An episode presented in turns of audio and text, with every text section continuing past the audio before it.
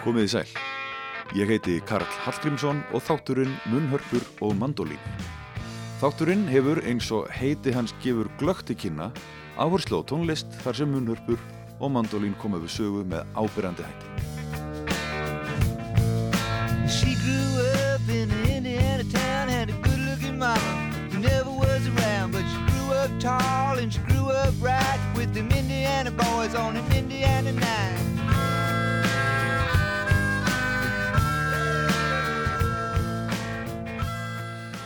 Ég hitti munurpuleikaran Helga Guðmundsson, mandólinleikaran Guðmund Alla Pétursson og líka víjóluleiðaran úr Symfóniuljónstinni, Þórunni Ósk Marjónustóttur, sem saði mér skemmtilega sögu af mandólinleik.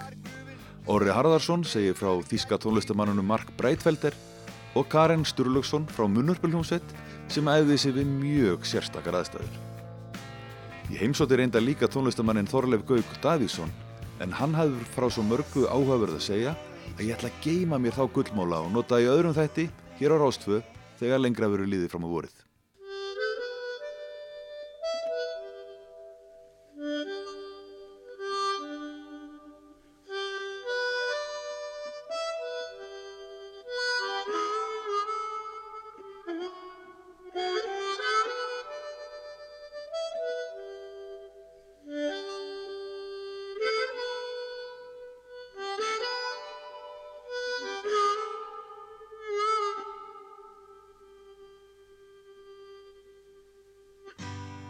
Unnendur íslenskrar dægutónlistar þekkja nafnið Helgi Guðmundsson. Nafn hans er ritað á mörg plötuumslögin.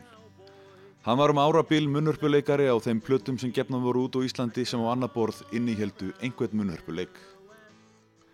Helgi er sannlega einn huldumannana í útgáfusögu íslenskrar tónlistar, nafnið er þekkt og stefin sem hann hefur lagt til, en fáur þekkja nokkur deil á manninu. Ég fór og hitti Helga í Hafnafyrði, þar sem hann hefur búið um langt árabil og við settumst á steiftan vegg í bakarði við strandgötu með upptökutækið innpakkað í húfuna mína til þess að reyna að draga úr hljóðinu í gólunni.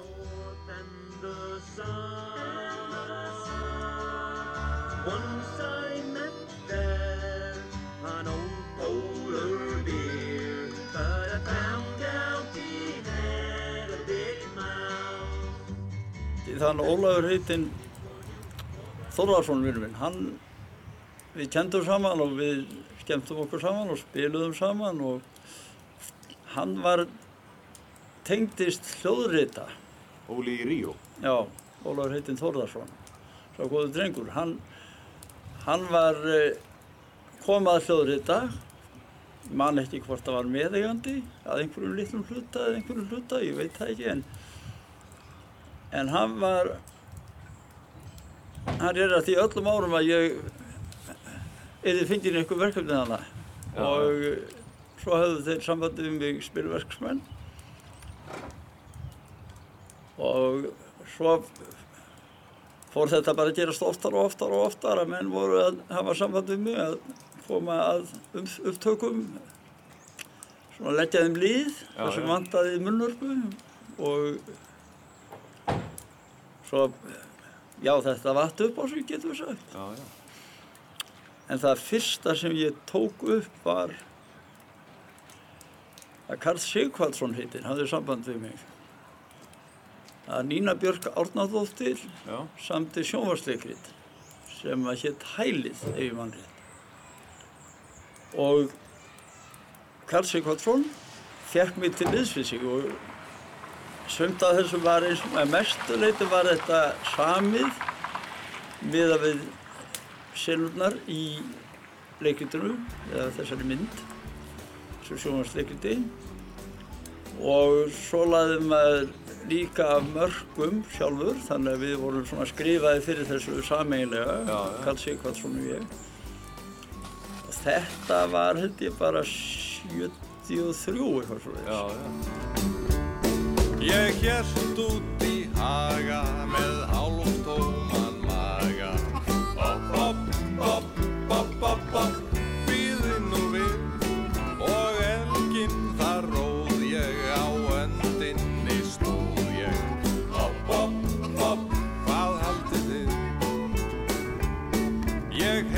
Heilsaði hestum sem hátiglum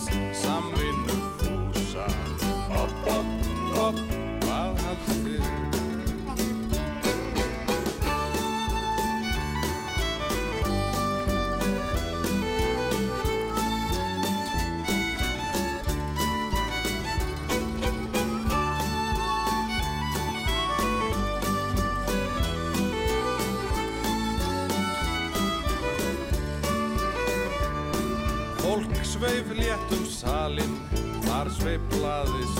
Hopp, hopp, hopp,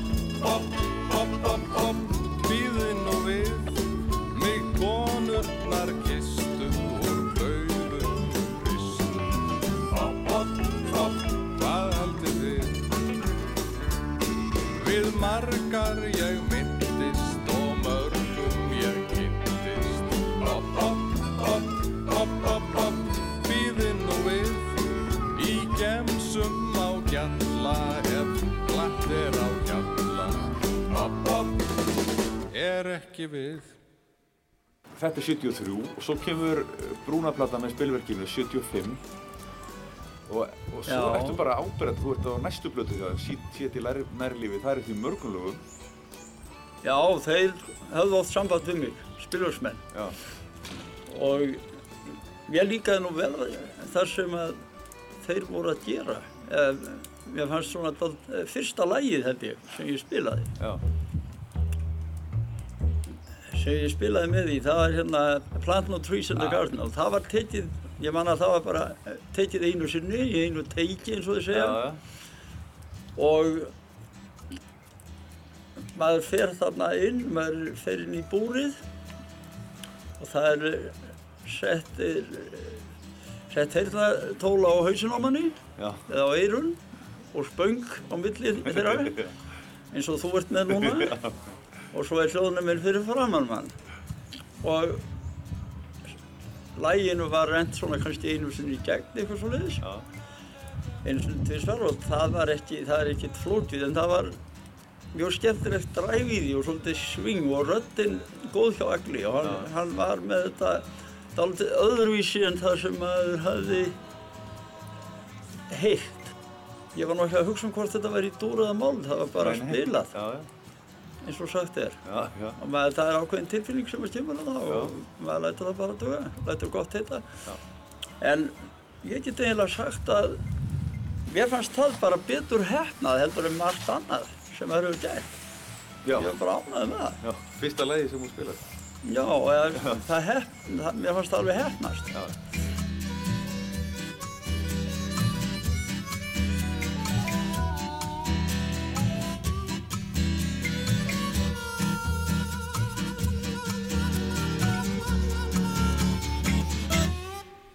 Það hefur verið svona einhvern tíðan svona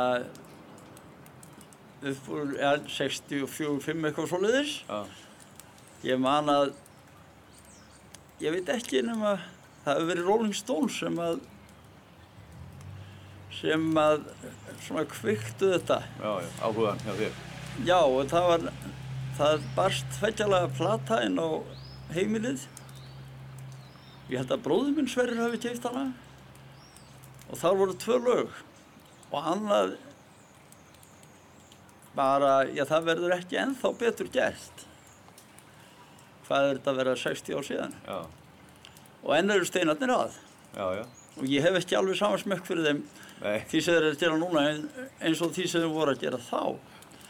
Því þeir voru með alveg frábæran hljóm og ég man eftir því hvað mér þótti þetta skemmtilegt þegar þetta Buddy Holly, Not Fade Away, hvernig steinarnir byggu til bara nýtt, já, já. alveg nýtt þarna, nýtt lag.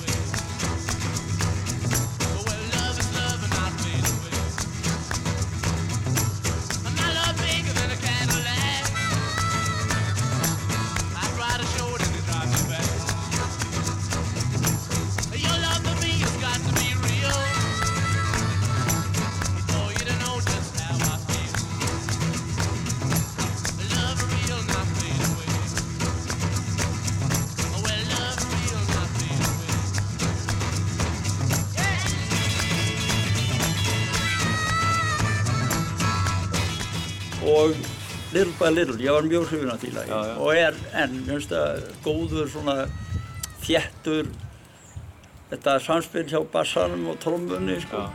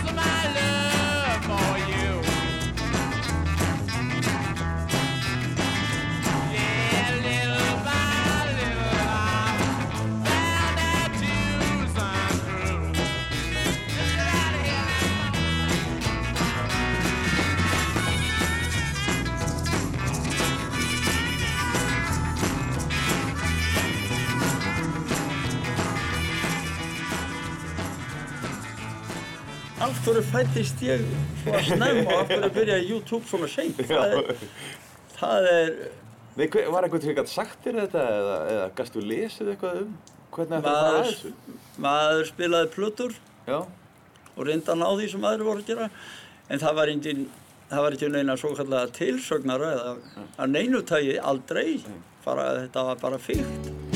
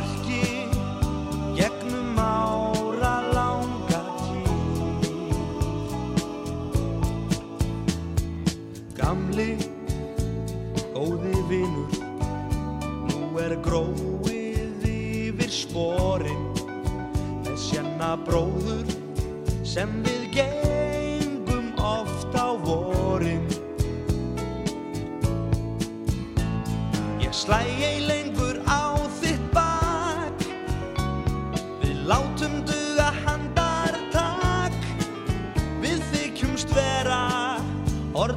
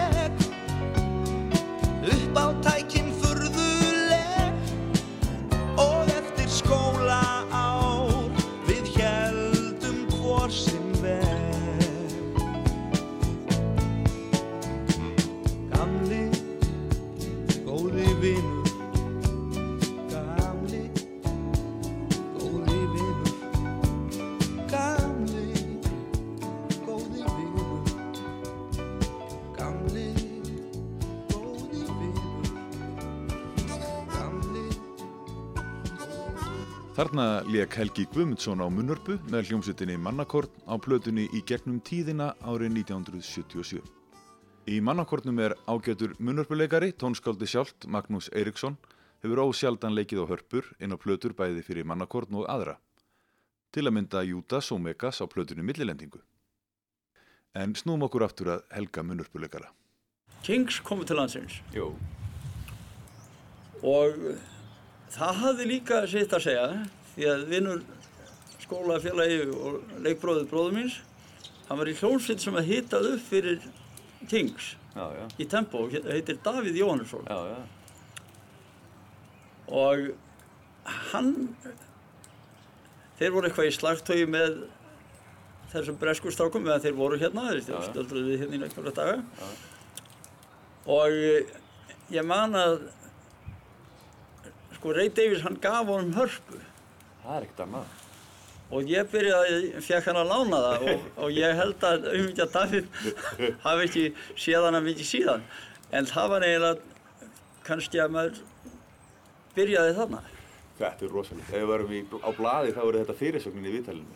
Nú, Byrjaði á hörpunans Ray Davis og Kings. Já, já, ég er ekki, að, ég er ekki hvort ég að ljúa hann í ítja og ef þú hefur sambandið Davíð Jóhannesson þá hérna, býst ég að hann geti vottað þetta. En ég er ekki veist um hvort hann er búinn að fyrirgjöfa mér. Nei, að eh, harpan hvarf úr augu hans eða, jú, ég held að hann hafi alveg haft skilning á því. Já, já.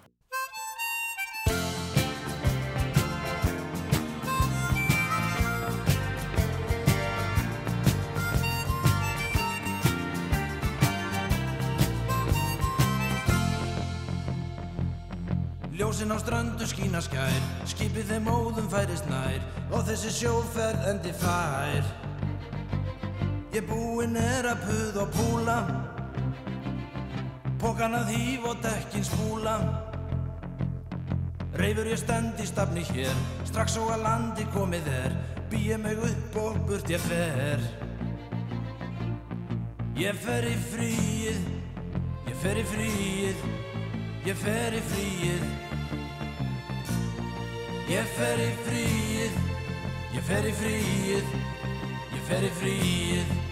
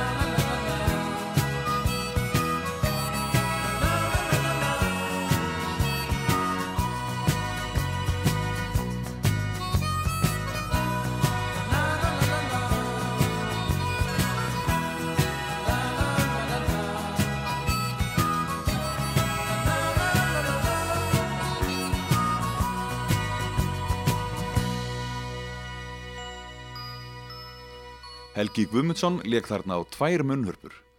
Um miðbygglagsins hækkar lægi nefnilega um heiltón og þá þarf munnhörpuleikarinn að skipta um hljóðfæri.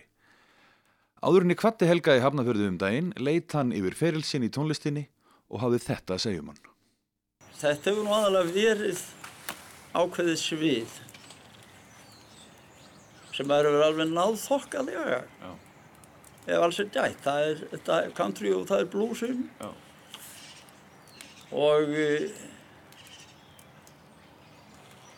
já, það er svið með sínar takmarkanir en líka mikla möguleika. Já, já. Mikla möguleika, segi ég, sko. Flottir. Herðu, Helgi, við erum að þakka þér kjallaði fyrir spjallið. Já, það var, mín var Gefa þér ánægjan. tíma til að gera þetta með mér. Já. Já, já, það var lítið að þakka. Og takk fyrir alla tónlistina. Æfilega.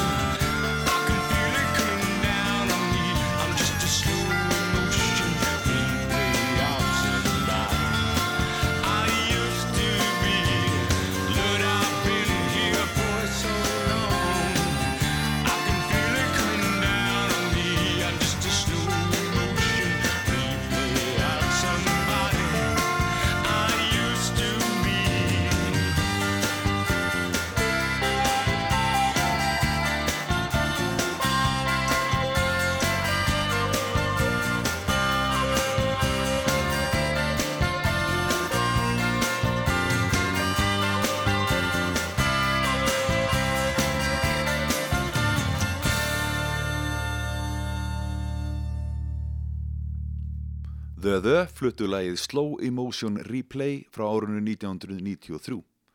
Færum okkur til Íslands. Sigurður Sigursson var um langt árabil sá munnhörpuleikari sem popparætni kölluðu til aðstöðar þegar þurfti alvöru munnhörpuleik og plötur.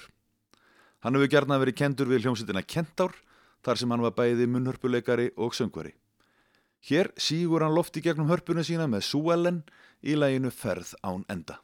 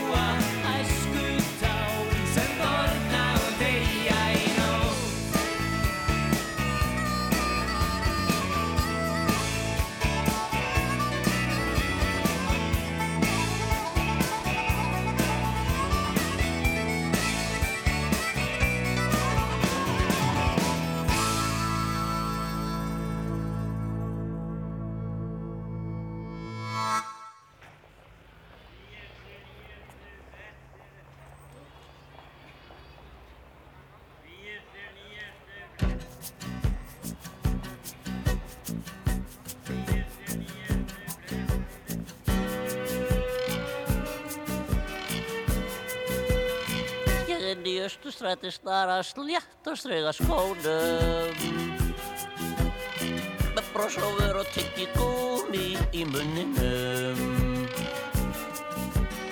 Ég lappa um og horfa á liðið sefi þar í hópum.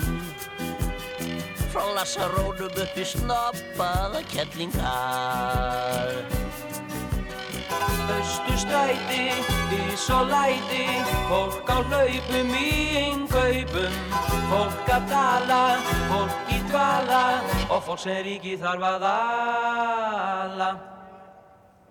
Þar standa bákandir í röðum landsbúnaðar útvegs. Og fyrir utastendur hóraður albúið. Er fyrir þetta sitja feitir peningar að verðir og passa óti kalli kom ekki og taki þá.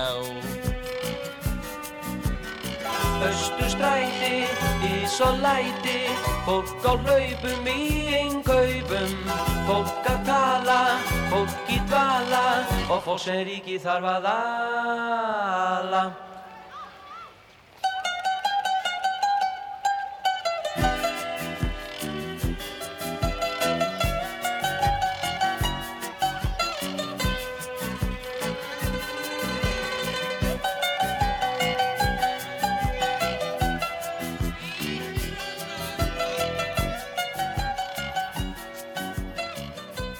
Við höldum áfram með þáttinn munnhörpur og mandolín. Hér er það Diddi Fiðla sem leikur í lægi eftir Latta. Fyrir um það bila ári síðan um páskana 2019 voru á dagskrá Rásar 1 nokkri þættir sem hétu Bærin minn og þinn.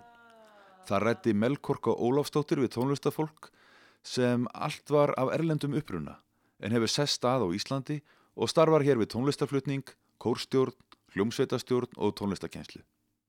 Þeirra á meðal var Karen Jóð Sturlöksson sem er hljómsveitastjóri og aðstóðar skólastjóri tónlistaskóla Reykjanesbæjar. Karen er alveg upp í bandaríkjónum, í Boston. Ég hafði samband við Karen og Melkorku og baðar um leifi til að spila stutt brot úr þættinu. Það var góðfúslega veitt. Gjöru svo vel. Þetta er skemmtilegt. Ég er vestu íslensk. Ég ólst upp í, í bara miklu tónlistu fjölskyldi. Bara. Pappi minn er samt, hann var samt hérna lögfræðingur. Mátt ekki halda að hann sé alveg tónlistamæður. En hann, hann var alltaf að í tónlist. Hann var trompetleikari, lúðursveitastjórnandi og það var bara, það var partur af bara fjölskyldi lífið, var bara tónlist. Vera með. það var aldrei spurning hvort maður ætla að læra einhverju hljófari, það var bara hvað hljófari? Ertu búin að heyra um þessi innan munnhörpu?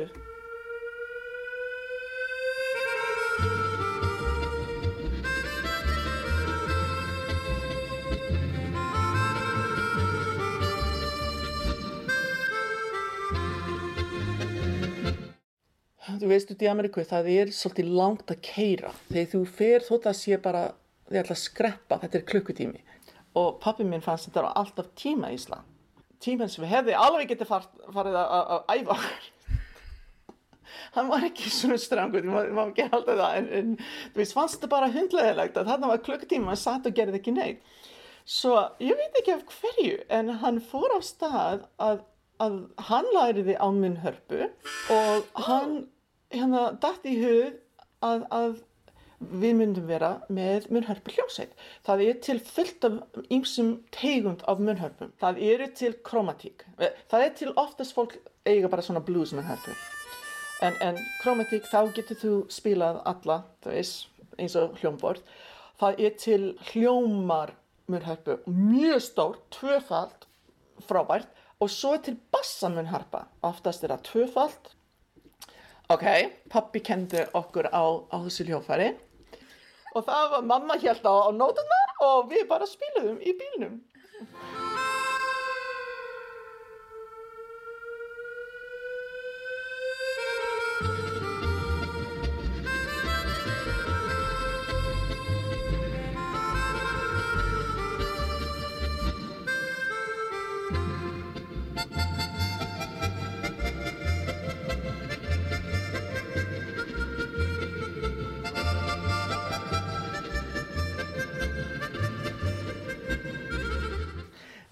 Gamla dag þar sem, veist, við erum ekki að tala um hérna bílbelti, nei, og, og hérna barnastólar, nei, við erum ekki að tala um svona.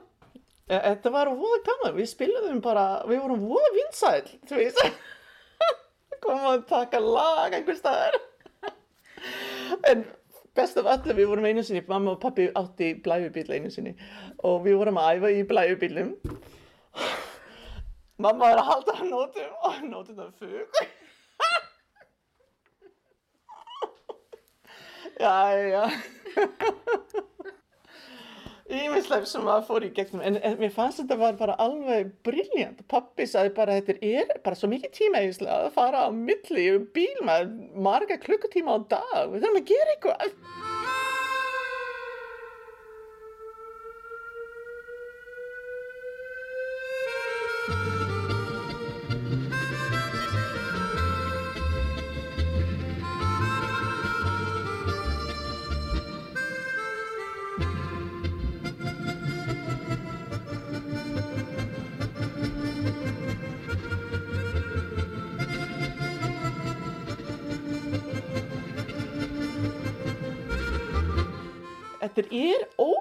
ótrúlega flott hljóðfæri, ef ég sé alveg að segja þér. Ég hef kent nokkra nefndu á vinnherpu hér. Já, þetta er, þetta er mjög sniðugt, þú veist, mjög lítið, það er ekki mikið fyrir það. Allt hægt að blása.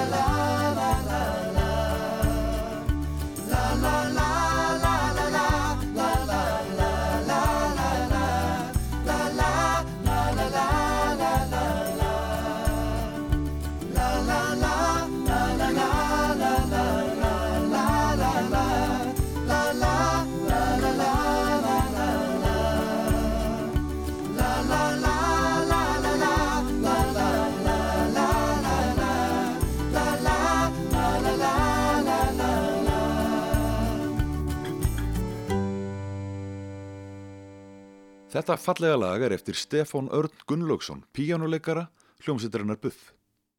Það er höfundurinn sjálfur sem leikur á mandolín. Yfirleitt þegar leikið hefur verið á mandolín og plötum á Íslandi hafa valist til þess gítarleikarar eða fiðluleikarar.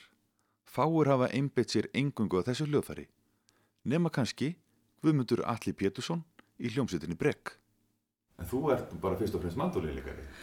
E, já, ég er það.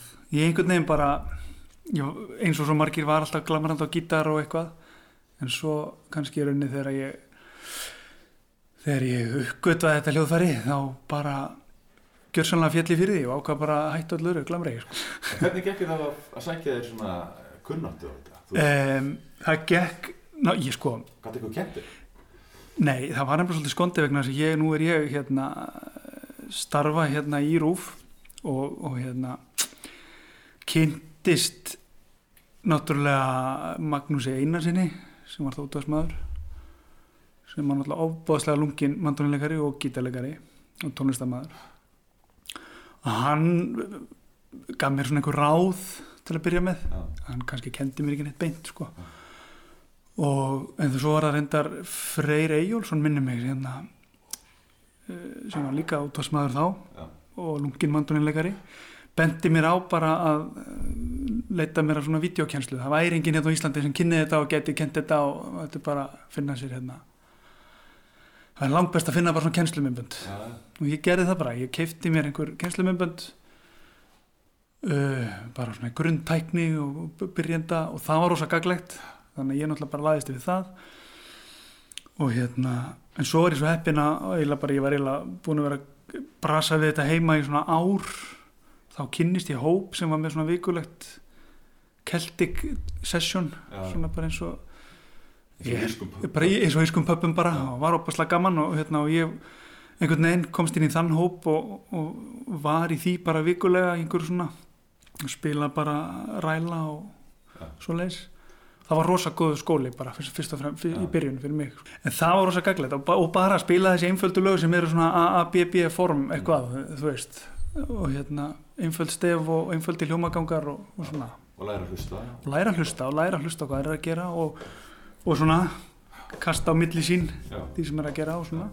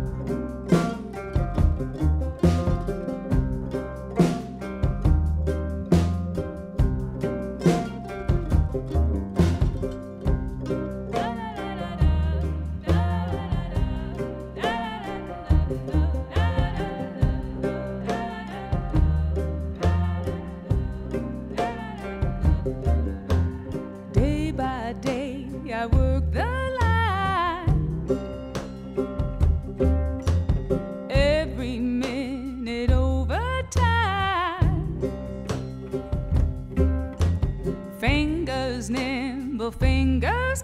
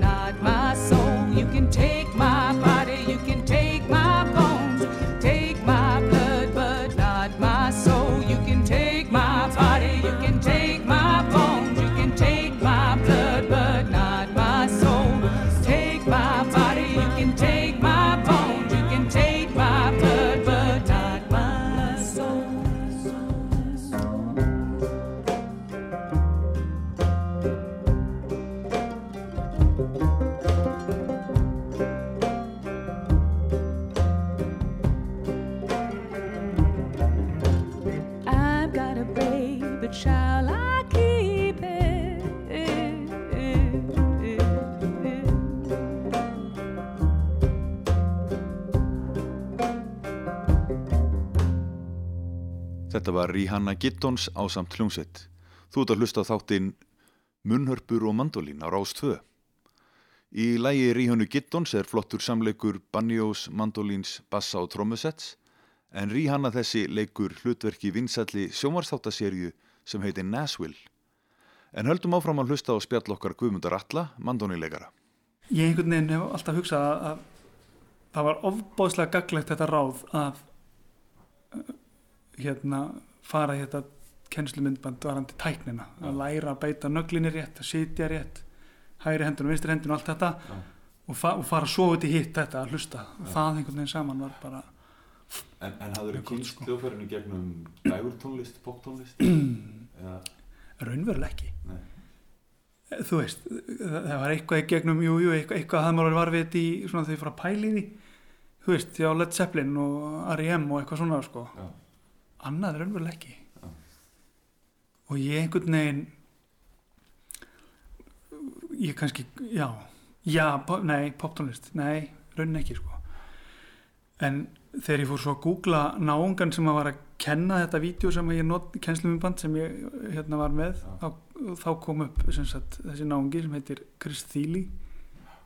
Og þegar ég fór aðeins að stúdera hann, hann var svona ungur virtuósi, var orðin sko sennilega færari heldur en við verðum nokkuð tíman sko bara fyrir 15 ára aldur var hann, þú veist, alveg ótrúlegur og ég fór að stúdera plötuðun hans og, og svona eitthvað. Þá, þá kom bara svona einhver guðs af inspiration yfir mig bara og svona þá sá ég bara hvað þetta hljóðfæri raunverulega getur í allskins tónlist. Hann er líka ótrúlega duglugur að vera svona boðberi hljóðfæri. alveg og, og bara þú veist, það er alveg aðdánavert hvernig hérna allt frá bara, þú veist, þessum að sækja í þennan þjóðlaga arf í, í hérna skorska, írska og ameríska bara músík, bluegrass músík Jazz. og yfir í jazz, yfir í, yfir í Bach og Mozart og hann einhvern veginn steipir þessu öllu svo smekklega saman og einhvern veginn, og einhvern veginn það er svo einmitt, það er bara svo inspirerandi að sjá það sko. Ögn og síðar góður víðar stundu stundir höndi fríðar þegar aðri getur ætti að fara slást. Að þá skikka til og síðar austur byggjast allir greiða því að höfnur ekkert ókla við að fást. Elsku höfni kalli minn stríðir sekja lómurinn, það er erfitt til þið gæða sála lýsa. Ég enga sækindi fyrir finn aðal manna rómurinn, skuli kalla því höfnar hrekk vísa. Elsku höfni kalli minn stríðir sekja lómurinn, það er erfitt til þið gæða sála lýsa. Ég enga sækindi fyrir finn aðal manna rómurinn, skuli kalla því höfnar hrekk vísa. Og að höfni minn sér hrekk í svonum hugur mikið vísa gera vísvitandi vinnu sínum eigin. Hann er fríðanskandi fress, allavega nóttu þess að safinskan er góð og sálinn taktur hreint.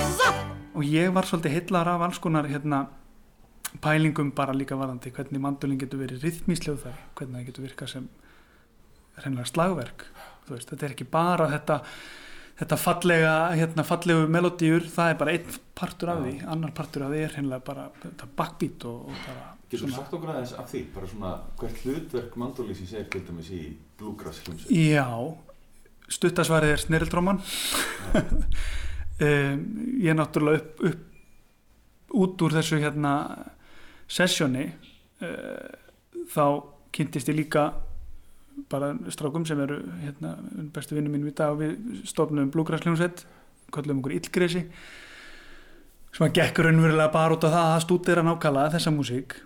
Og þá náttúrulega fór ég að sökka mér í það, fór að kafa í eldra dót, fór að hlusta á Bill Monroe og, og svona, þú veist og svo yngri spilarar, Ricky Skaggs og, þú veist, og Ronnie McCurry og eitthvað svona, ég náttúrulega neymdroppa all, alls konar náungur sem enginn þekkir Eh, hérna, en allavega, það er raunverulega, já, hlutverk mandolinsins í til dæmis bluegrassmusík er er hérna þetta backbeat og, og, og svona hérna að drífa áfram svolítið uh, rytman sko Já. Ásamt því að, að, að spila svo lít líka einhvern veginn. vera svona hljóma, já, vera hljóma og spila svo líka laglínur og, og hérna og alls konar spennandi hluti. En nú heyrum maður í hljómsveitinni þinni, að nú ertu einhvern veginn loksins komin í já, eitthvað svona band sem að sem að allt verist fatta út okkar mandolínið gengur yfir svona mandolínun að njóta. Já, það er náttúrulega bara stórkostlegt sko. Uh, að vera komin í núna hérna hljómsveitina breg sem að hérna það sem við erum öll á einhvern veginn sama plani og tilbúin til þess að stúdera um, ymmit, bara virknina og finna allir pláss og, og þú veist og, og, og re- hreinlega að gefa okkur tíma til þess að velta fyrir okkur þessum elementum sko. hvernig maður getur nota rithman og backbeat og, svo laglínur og hvernig maður getur átt svona eitthvað samtal líka það er eitthvað sem ég hef líka lagt upp úr það gaman að, að vera í svona músikalsku samtali Já. milli hljóðfærana og það er bara útrúlega gaman sko.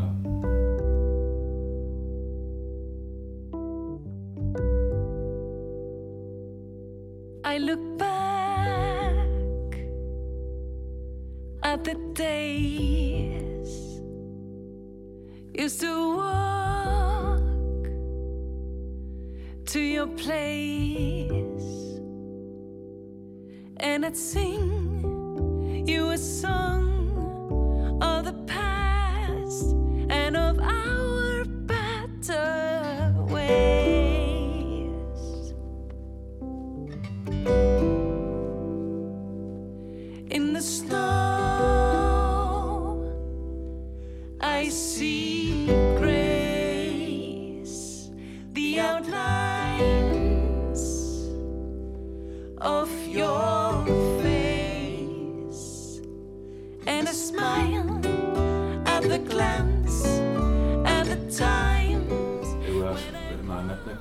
eitthvað, lag sem, að, sem þú kannski hrifist af mandólileik á Íslandi áður en að þú fórst sjálfur það.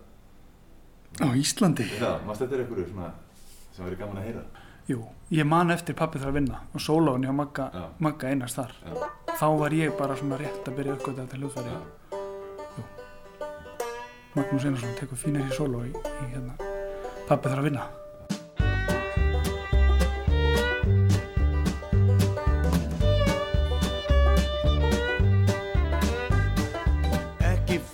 gráta vini minn.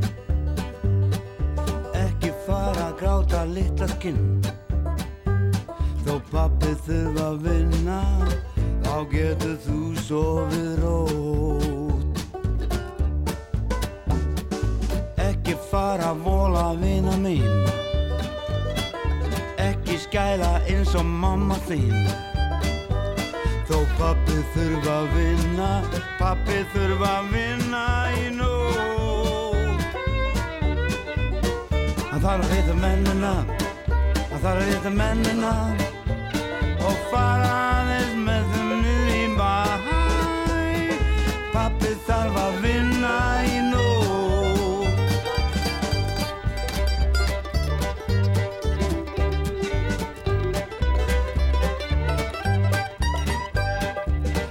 nú að kökri kottan þinn. Já, fara... talandum áhrifavalda þá er David Grisman náttúrulega líka. Þegar ég heyrði veist, kynntist hérna David Grisman Quintet blötunni sem kom út 1976 Já. fyrsta á henni, EMD það var eitthvað bara ég var bara, ég veist gjörsanlega með stjandleiti sko, bara hvað er þetta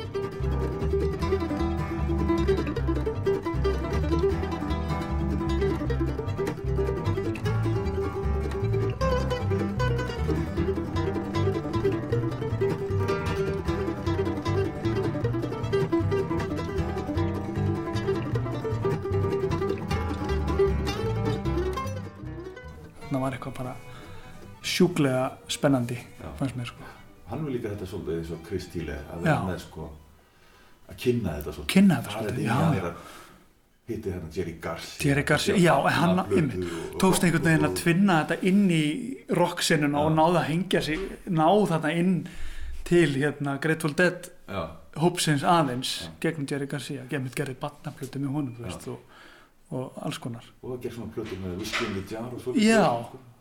og svo bara þetta sem að, hans eigin stíl sem hann kallar dog music Já. sem er bara eitthvað ég held ég hann hérna, hirt eitthvað vittalega sem hann sagði sko, hann ákvað bara þetta er bara eitthvað, sem að ein- einhvern veginn hvernig hann spilar, það hérna kallaði það bara dog music, svo hann þyrfti ekki að vera að útskýra hvað það Já, væri, já. en hefur svo ekki gert neitt annað heldur en að útskýra það hvað það raunverulega er sem er bara einhvern veginn hans sound, hans stíl, hans fraseringar En hvað með hérna þegar þú ert farin að valda þessu svona vel þessi hljóðfæri og spila Já. svona á þetta eins og mandolín? Eins og gítarleikari ekki svo gítarleikari sem, sem er að gera hérna, Já, svona, þú veist, ég er alveg góður að gera þetta já. Að, að vera með þetta, fá hljóðið þetta fá, er svona einhver áferð sem Já, að, mér finnst fólk sækir, sko. sækir í einmitt. En, en sko, hefur þá ekki haft svona þörf fyrir að læra meira tónlist? Að læra, geta lesið og- Jú. Ég reyndar hérna var í tónlistarnámi sem barn, ég lærði nú á hérna, klarinett og saxofón í æsku, þannig að ég bý nú að því, þó að það hafi nú ekki verið hljóðfæri sem ég tengdi neitt við, þá bý ég að því að lesa nótur og, og allt það og, svona skilja tónfræði og allt það. Þannig að, það er jú, það, það hjálpar mjög sko, en jú, og, og, og, hérna, jú, jú, og ég hef alveg fundið mjög mikið hjá mér að mér langar að, að hérna, útvíka það einhvern veginn og, og um mitt og, og er alveg daldi, og mér finnst daldi myndi vilja kannski það var náttúrulega óskand að geta verið einhvers konar bóðberi fyrir þá að geta sínt fram á kannski, kannski það sé ég reyna að segja að- geta sínt fram á möguleika hljóðfærisins í allskins samhengi veist, við allskins tónlist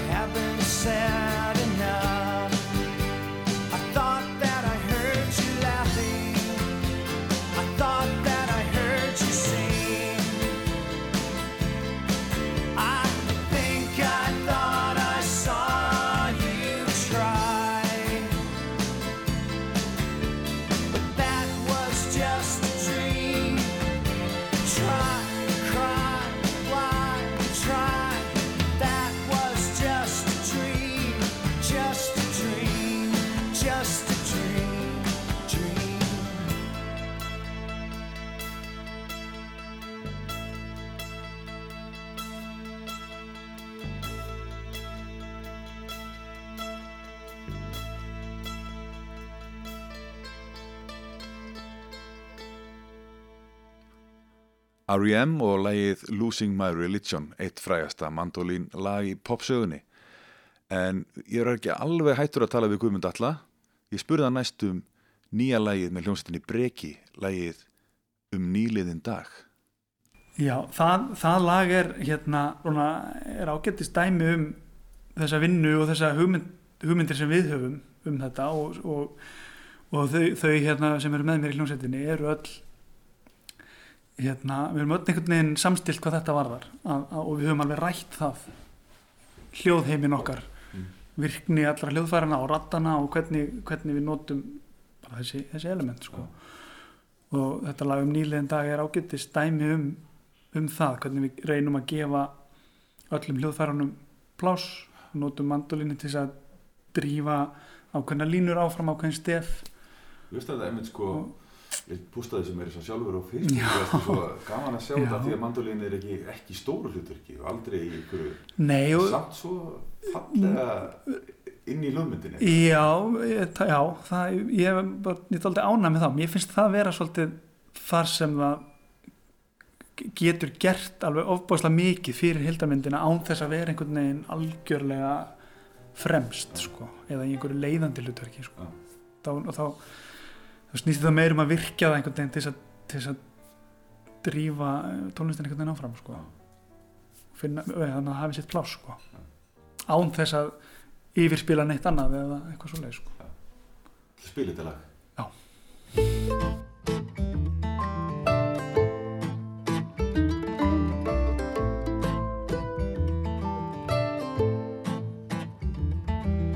Morgundaginn sefur rót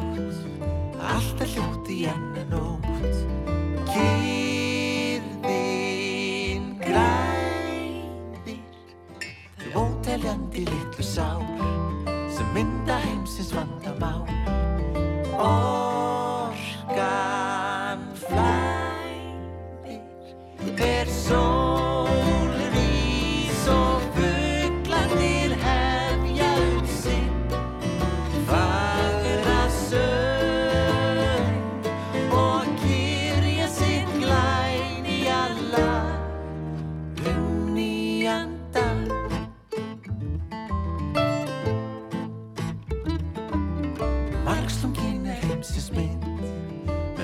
með logn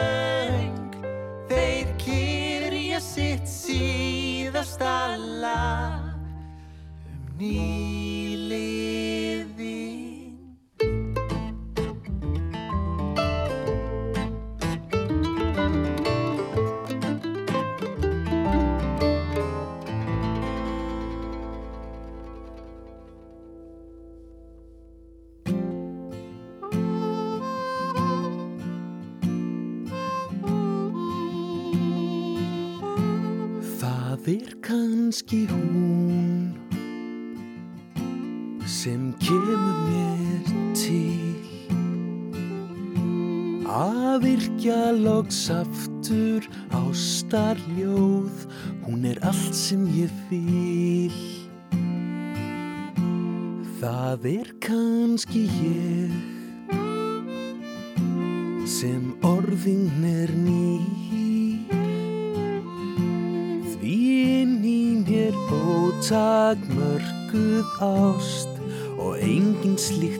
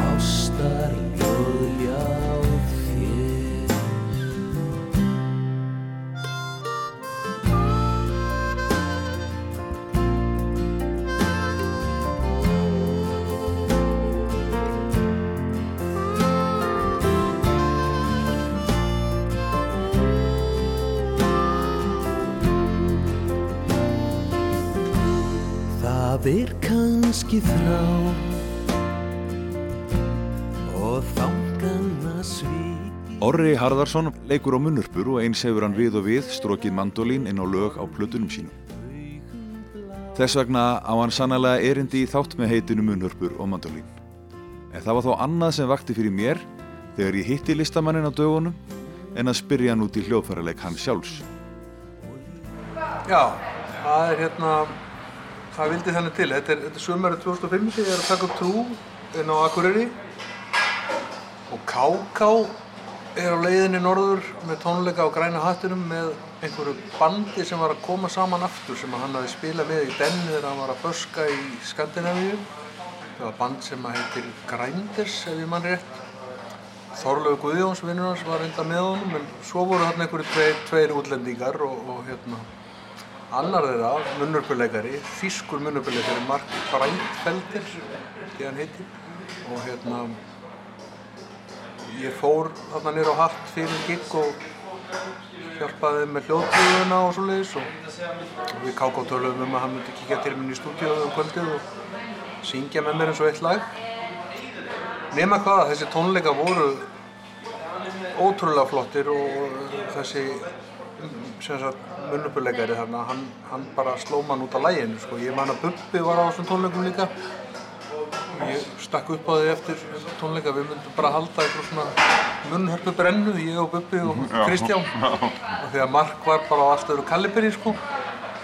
Og hérna, þannig að ég talaði við Mark á eftir og spurði hvað hann erði lengi í bænum og hvort hann, hvort hann væri kannski til í að koma í stúdíóið og spila eitthvað pínu fyrir mig. Og, og hann sagðist vera bara til í að verja deginum eftir í það þannig að um nóttina þá söng Káká með mér eitt lag og svo morgunin eftir og þá byrjuðum við Mark bara að taka upp og ég sett í gang bara flest lögin á plötunni hvert, á fætur öðru og, og hann spilaði bara yfir plötuna nánast í rauntíma sko. og svo var, ég var líka að vinna eitthvað með Bjartmari á þessum tíma, hann var að gera aðra plötu og, og hérna ég fekk mark meir segja til þess að þess að hendinn á eitt fyrir lögu hjá honum minni mig og, og hérna hann rúlaði þessu öllu upp sko. Þetta er nefnilega, þetta er svolítið skemmtilegt. eh, Maður hefur ekkert heyrt svona á blötu á Íslandi, svona munurbuleik. Nei, þetta er, þetta er alveg svona sér dæmið einhvern veginn og ég raunar, ég tók hann dálítið svipað bara eins og hann, ég menn hann var sjálfur með, hann var með dýnamiskan mikrofón, díatóniska blueshörpu og, og hérna, og spílaði á eh, sem sé inn í og á gítamagnara. Þannig að hann leik sér að bjöguninni sko, Já. leik sér með hana og ég gerði eins bara í stúdíónu eins og ég hefði síðan á tónleikunum í, í langflestum lögunum ég held ég hafi reyndar látið hann spila eitt svona með hefðbundum hætti sko inn á, á condenser mic sem er bara meira clean sound en, en þessi bjögun þarna sko þetta er, þetta er eitthvað sem ég hafi fallið fyrir löngu áður hjá manni sem heitir Mark Feldham sem var mjög ábyrgandi í 80s og spilaði mikið með böndum eins og Talk Talk til dæmis. Og,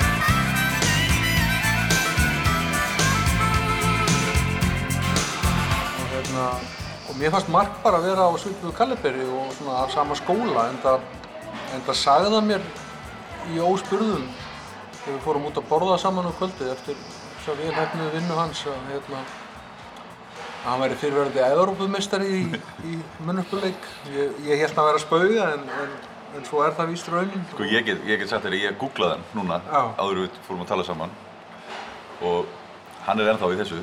Ég svo 2011 hafði hann verið á miklu stærra sviði sko heldur en að vera Evrópumestari. Það voru hann að spila í Delta-beltinu Já. sko, í Delta blúsinni kendu við sko Já. og hérna þar er bara eiga menn ekki orð yfir tæknilegri getur þessar munuppuleikara og þar er hann að vinna einhverja svona keppni sko. Já, Hann er ennþá að spila sko og spila svona blues. þetta er alveg magnað sko, mér finnst þetta alltaf pínur hlálegt sko þegar þetta fer út í einhverja svona íþróttamenn sko. Já.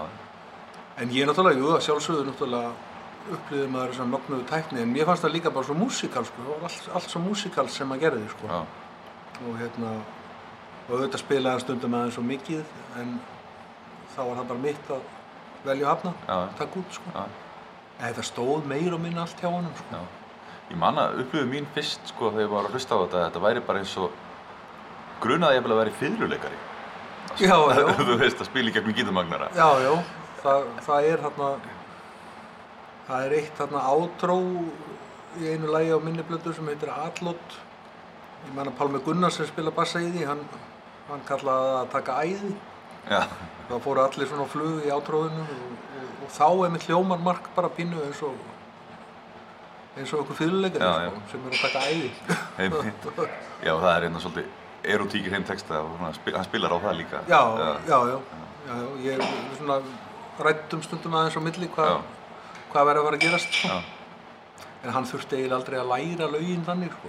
hann spilaði þetta meira minna bara já, bara læriði um leið og að spila þið sko.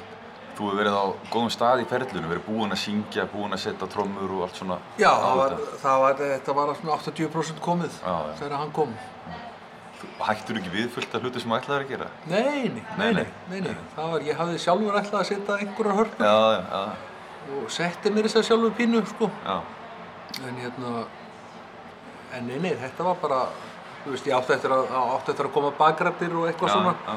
en hann gerði raun bara icing on the cake sko, fyrir, fyrir megnið af þessu sko. Hann er í rosalega mörgum lögum, er þetta ekki bara fimm af ellu eða eitthvað fyrir sem hann já, er? allavega, sko, sem sé sjö Já, af já. tíu frekar eða eitthvað sko. Já. já. Rosalega fallegt. og Mér finnst maður hann- mér finnst hann njóta sín best í fyrsta leginu og síðasta leginu því að þá eru ekki trommur, það Já. er ekki margt í gangi þá svona skín hann enn skæra sko. Og hann er að spila sko klín hörpu sem sé bara hreina inn á, á hágjaða mikrofón í fyrsta læginu Já. en í lokalæginu þá, þá er, ég bara á píanó minni mig og svo er hann að blása í gegnum gítamagnar og það, finnst mér sko. Ég var með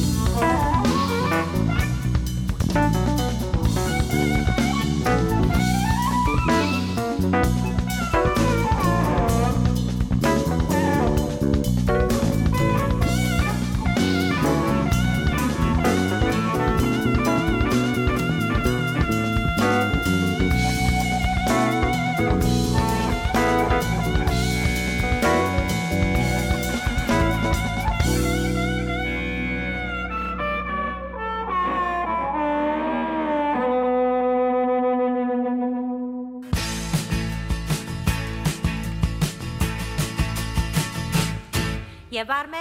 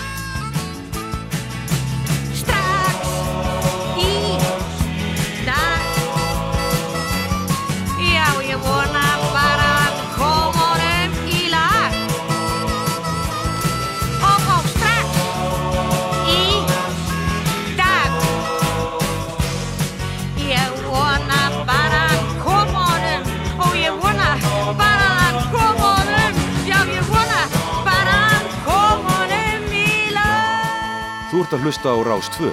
Ég heiti Karl Hallgrímsson og þátturinn Munnhörpur og Mandolín.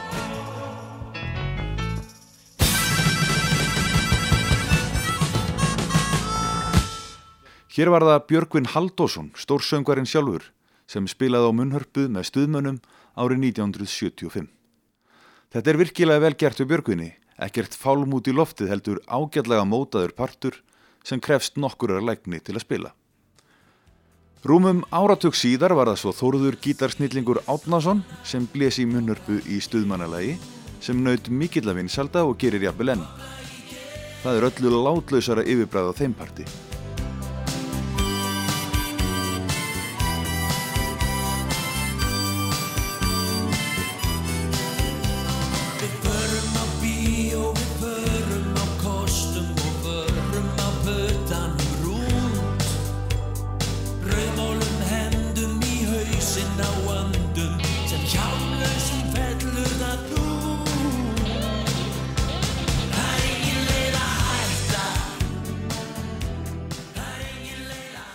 Heyrum nú nýtt lag frá Svapni Sig, það heitir Líttu aftur.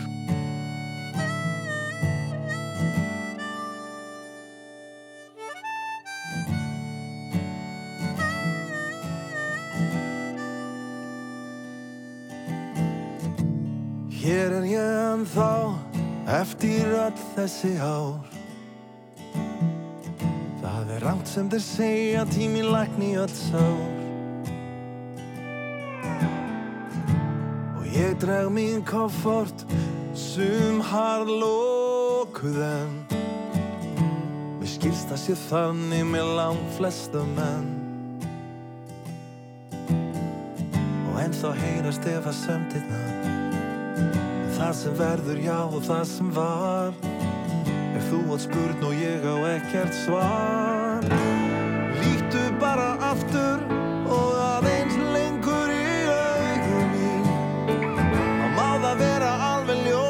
discover who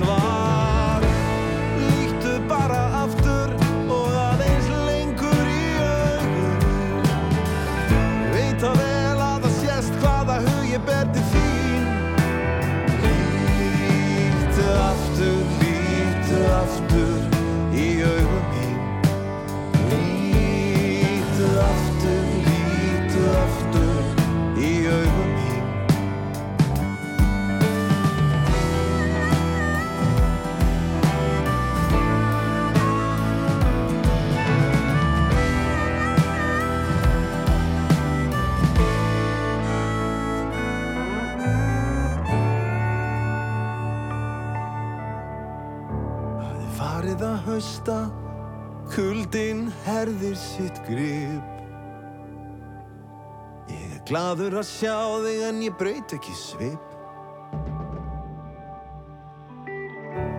Farfuglar hverfa, fljú í suðræna sól. Ég veit við verðum saman því að þú ert mitt skjól.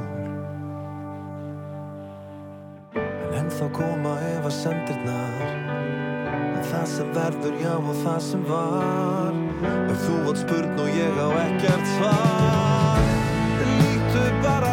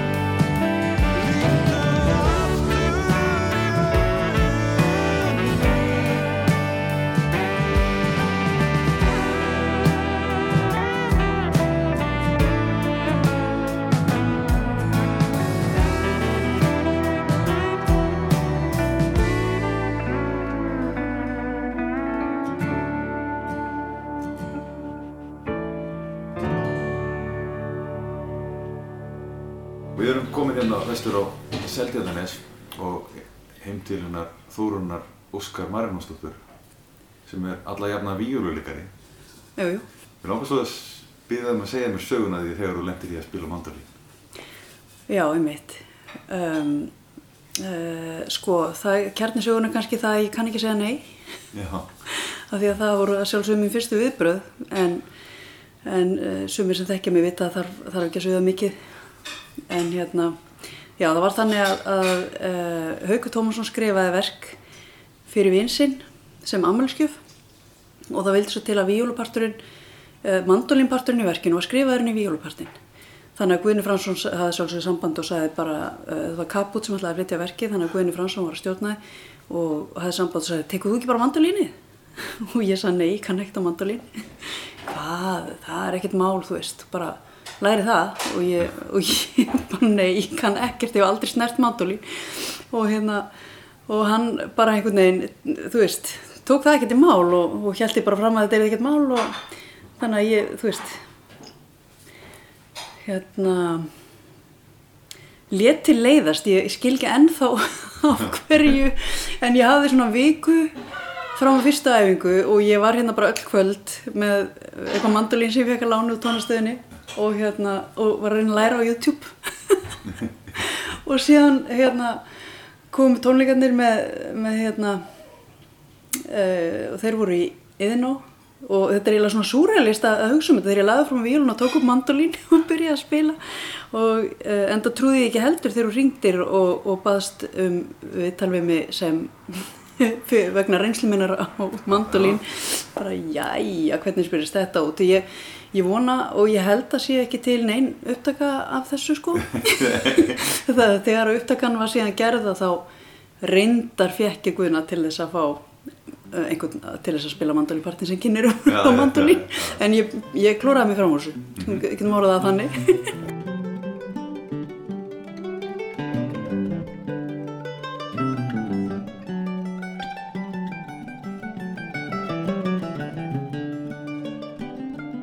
Þetta hefur komið fyrir þetta ekki áður eins og þú ert í symfónihljónstinni. já, Mást ekki eftir því að það hefur komið fyrir að það kæmi, það þyrfti mandolín. Að þá, jú, það hefur vissulega komið fyrir enda þá, þú veist, margir liðtækir sko, Já, já. þú veist, Óli Kjartan hefur komið hana og, og, og, og spilað mandolínpart úr uh, Malersinfóníu, það með minnir og uh, Eggert er liðtækur mandolínleikari og, örgulega fleiri Gumi Kristmunds víuleikari hann er liðtækur mandolínleikari og, og sennilega hefur haukur, það getur vel verið að þess vegna hafi haukur skrifað partin svona upp, uppálega sko. hann hafi verið með hann í huga og, og, og, og Mattias Stefánsson, hann er nú aldeilis flinkur, það var sá sem að fegst á endanum til þess að taka þetta upp Já, já, já. þannig að ég veit ekki okkur ég er hér við viðtali En, bara því kann ekki segja nei já, já, kannski það.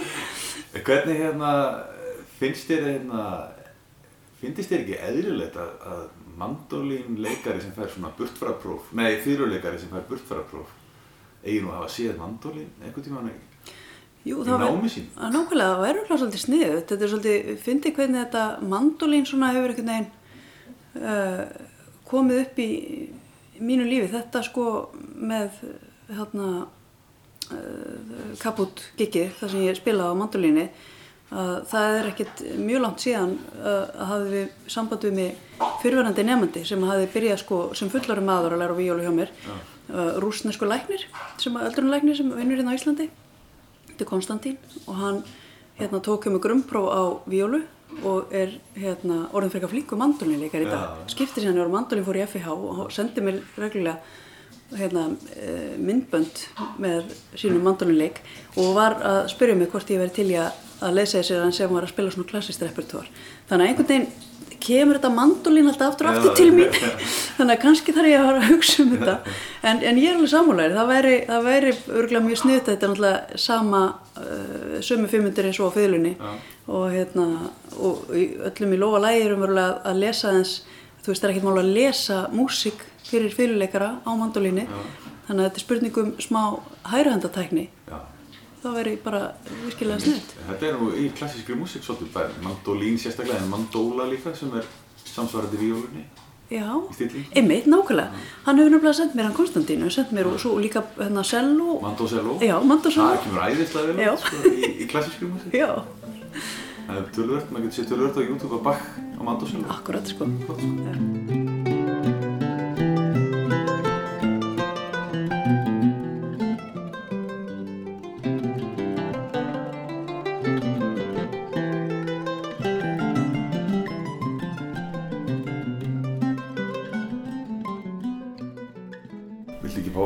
Velja óskala í svona þátt? Jú, endilega, af því við erum á rástöðu þá, þá hérna vil ég endilega fá að velja óskala og ég ætla að velja Train Train Train Train með Dolly Parton. En hún fór á sínum öfri árum uh, núna, sí- sí- síðustu árun er búin að vera aðalega að syngja bluegrass og búið til bluegrass tónlist og, og hérna á plötunennar The Grass is Blue er þetta lag. Og það er stórkurslegt mandolins og loiði Uh, ég held að Sam Bush sem er eitt fræðasti mandónuleikari heims sp- spili það á plötunni og, hafi spilað mjög mikið með Dolly Parton en það er einhver live upptaka á YouTube frá 2010 sem að er með einhverjum yngri mandónuleikara sem er stórkurslega sko. ég mælu með því ef, ef þú spilar Já. á plötunni þá getur fólk tjekka á því á internetinu en, en Dolly Parton er líka bara svo mikið snillingur Jú, það, það er hún. Þakka þér fyrir, Þóru. það var ekki neitt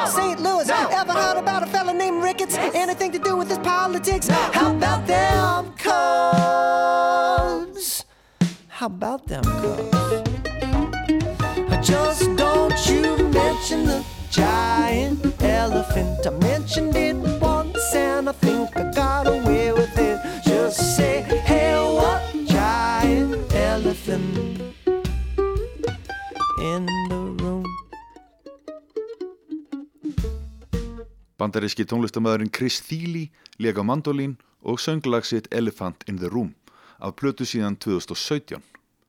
Það var einmitt hann sem lega á sólóið sem Þórun Ósk talaði um hérna áðan á tónleikum með Dolly Parton í læginu Train Train. Chris Thiele er afar vinsart tónlistamæður Vestanhafs og hefur gert margt til þess að kynna mandolínið og möguleika þess í alls konar tónlist. Þættunum fer nú að ljúka. Ég þakka ykkur fyrir áheyrnina. Mér langar að enda á nýju lægi með gerfuglónum. Það heitir Tilskipun. Mandolín leikari hljómsveitarinnar, Freyr Eyjólfsson, leikur í þessu lægi listavel á munnhörpu. Verið sæl.